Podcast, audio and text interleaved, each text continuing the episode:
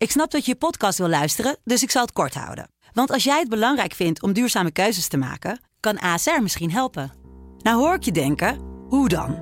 Nou, bijvoorbeeld bij het duurzaam herstellen van schade. Of de premies die we beleggen volgens ons duurzaam beleggingsbeleid. Dat bepaalt waar we wel en juist niet in investeren. Wil je meer weten over welke duurzame keuzes ASR maakt? Ga dan naar asr.nl/slash duurzame keuzes. ASR doet het. Zo, dan kan je nu lekker naar je podcast luisteren.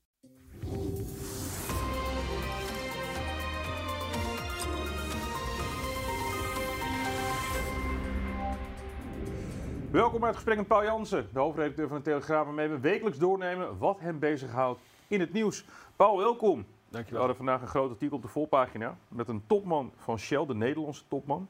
Ehm, die heeft gezegd dat eh, het is echt een illusie dat wij eh, van het gas af kunnen zonder dat eh, Groningen volgend jaar stop gaan zetten. Ja, we gaan richting de zomer. Het, het wordt warmer, dus dan zijn, zijn de gasperikelen gaan al snel de achtergrond. Maar dit is wel een hele interessante discussie. Hè, iedereen weet eh, de oorlog in Oekraïne en eh, de inval eh, door de Russen. Ehm, daardoor is, is Russisch gas is, besmet verklaard. Ja. Ehm, heel veel Europese landen willen daar zo snel mogelijk vanaf, maar zijn daar nog steeds zwaar van afhankelijk. Zo ook Nederland. En wat je nu hier ziet gebeuren, is een interessante discussie waarbij je eigenlijk drie opties hebt. Als je snel van dat Russische gas af wil, want daarmee financier je eigenlijk hè, eh, de, oorlog in, in, van de Russen in Oekraïne mede. Eh, dus je hebt, je, hebt, je hebt drie opties. Je zou eh, of andere, uit andere bronnen dat gas kunnen halen. Hè. Qatar bijvoorbeeld heeft het in de aanbieding. Ja. Maar die prijzen zijn echt enorm aan het stijgen. Dus Ja. een hele dure grap. Het, je moet het Altern- vloeibaar maken en dan kan je het Ja. met containers vervoeren, zeg Ja, maar. eh, alternatief is dat je de energietransitie versnelt, dus meer op duurzame bronnen en ook eh, eh, door meer te isoleren. die campagne van de overheid zet de thermostaat wat lager. Nou, Ja. je, je ziet dat, dat met name de overheid, het kabinet daarop voorsorteert. Die ziet dit als een, als een kans om die energietransitie versneld door te voeren. En je ziet als derde alternatief nu de lobby komen om te zeggen: hé, hey, wacht eens even, we hebben in Groningen nog een gasveld. ja. En moeten we dat gasveld toch niet langer open houden? Eh, en, en daar zit Shell vanochtend op onze voorpagina natuurlijk eh, in die richting te duwen. Want Shell is via de NAM eh, voor 50% eh, eigenaar van, Ja. van, van de concessie op die Groningse gasbel. En even voor jou, eh, even, even ter informatie. Er zit in, de, in dat Groningse gasveld zit nog iets van 450 miljard kubieke meter gas. Dat is ongeveer 11 keer het Nederlandse jaarverbruik aan gas. Dus Ja. er, zit, daar zit nog een, een, heel, hele grote bel. Is heel veel geld waard. Vandaar ook eh, in, die, in die richting moet je ook eh, de lobby van de Shell natuurlijk zien. Maar is politiek heel beladen. Want Den Haag heeft beloofd dat eh, dat- eh, Ja. gasveld gaat sluiten vanwege de aardbevingen. Nou begreep ik dat de publieke opinie aan het begin van de Oekraïne-oorlog was er hier en daar wat steekproefjes waren gedaan. Van nou ja, als het om de Russische belangen gaat en de Nederlandse belangen, dan moeten we misschien wat meer incasseren. Ja. Ehm, nu komt dan een Shell-topman met, een, met, een, met nog een hardere lobby. Eh, hoe, hoe denk jij dat dat in politiek Den Haag? Want Groningen is natuurlijk een hoofdpijndossier. Hoe dat ligt daar? Nou ja, er zijn, er, zijn, er zijn beloftes gedaan. En begin dit jaar heeft het kabinet opnieuw aangegeven dat eh, Groningen in 2023, uiterlijk 2024, dicht zou moeten. Maar ook daar is, is alweer de deur op een heel klein kiertje gehouden in verband met internationale ontwikkelingen. Ja. Lees de oorlog in Oekraïne Ja, ja. en, en eh, wat de Russen eh, wellicht nog meer eh, voor, voor snode plannen hebben. Ehm, ja, ik denk dat je, dat je de komende maanden serieus in, in Den Haag een discussie zal krijgen. En dat is onvermijdelijk. Over van ja, hoe gaan wij nou precies om met, met onze toekomstige gasvoorziening? Want laten we wel wezen. Eh, politici als, als eh, onze klimaatminister Jette, dat is, dat is gewoon wensdenken. Dat, dat, eh, je gaat het daar niet mee redden. Nee. En in die zin denk ik dat de waarschuwing van Shell, hoewel die natuurlijk een eigen agenda heeft, Ja, maar dat die waarschuwing terecht is. En dat ook belangrijk is dat de politiek niet wacht, omdat ze die hete, hete Groningse aardappel maar voor zich uitduwen. Niet te lang wachten, maar gewoon tijdig daar de Ja. goede op anticipeert en de juiste maatregelen neemt. Maar als je uiteindelijk uitkomt eh, in, de, in de richting, kijk, je moet of de portemonnee trekken.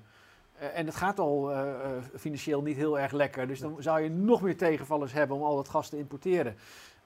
Ook voor de economie niet goed. Vandaar dat de industrie ook eerder dit jaar ook al die lobby heeft ge- geopend richting het Groningse gas.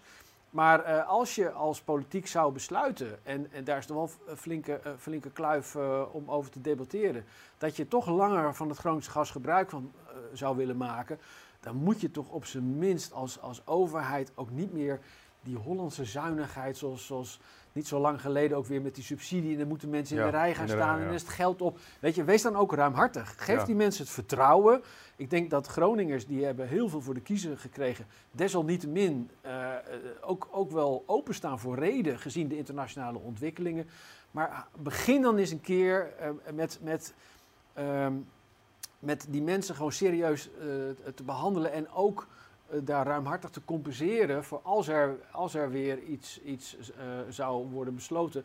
Wat in het nadeel is van de belofte ja. om die gasvelden dicht te doen. Want als jij even in je kristallenbol gaat kijken. Uh, dat is in, in, de politiek altijd gevaarlijk. Ja, maar als hoofdredacteur van de Telegraaf moet je misschien af en toe aan wagen. um, ja, eigenlijk kunnen we niet zonder het Groningse gas de komende jaren. Want als je ziet wat een transitie we moeten gaan doen qua supply chain. Uh, ik las verhalen van uit Egypte, daar vandaan, daar vandaan. Maar er moeten nog terminals voor gebouwd worden. Uh, Theo Besterman, onze collega, schreef een commentaar eronder. Ja. Daar heb je personeel voor nodig. Uh, het is ook krap op de arbeidsmarkt. technische oplossingen. Dat wordt echt een hele... Letterlijk die olietanker die je moet, die je moet bij gaan keren. Kijk, het is, het is, zoals je schetst, het is, laten we op, op zijn minst zeggen, het is uitermate onzeker dat de weg die, die, uh, die nu voor ons ligt, dat, dat dat een begaanbare weg is. En, en ik, ik, verwacht dan dat Den Haag niet gaat zitten wachten tot ze op een gegeven moment niet anders meer kunnen. Nee. Uh, want dat is voor hun het makkelijkste. Hè? Dan, oh, de handen te hemel heffen, we kunnen niet anders, het spijt ons. En, en dan het Groningse gas uh, maar weer langer laten vloeien. Ik, ik denk dan, wees dan gewoon realistisch, wees transparant. En wees ook gewoon eerlijk naar de mensen toe door, dat, door gewoon nu al daarop voor te sorteren. En eh, ik denk dat, dat de politiek onderschat, ook hoewel de hevige emoties, terechte emoties in Groningen al heel lang zijn. Ja. En ook emoties die, die eh, niet alleen uit zijn aangewakkerd omdat mensen hun huizen uh, ernstig worden beschadigd. En de huis is ongeveer, ja, dat is ja. toch wel... Die fundament. De fundament van je, van je bestaan. Maar die emotie is er ook zo groot geworden, omdat die mensen zich zo lang, en dat hebben ze ook gezegd, niet serieus genomen hebben gevoeld door Den Haag. En als, als de politiek nu iets beter zou moeten doen, als dit in het, een optie is die in het verschiet ligt, is die mensen serieus te, no te nemen door nu tijdig die communicatie te starten van, oké, okay, het zou kunnen dat. En dat wordt nu allemaal in kamerbrieven een beetje weggeduwd en, en heel op een klein kiertje. Maar ik denk, wees daar nou eerlijk en open in. En ik denk, eh, als je dan vervolgens ruimhartig bent in het trekken van de beurs waar dat nodig is, dat uh, uh, ook in Groningen, ondanks alle begrijpelijke emotie en te, terechte verontwaardiging die er is, ook daar de reden zal zegevieren. En bidden voor een niet al te koude winter.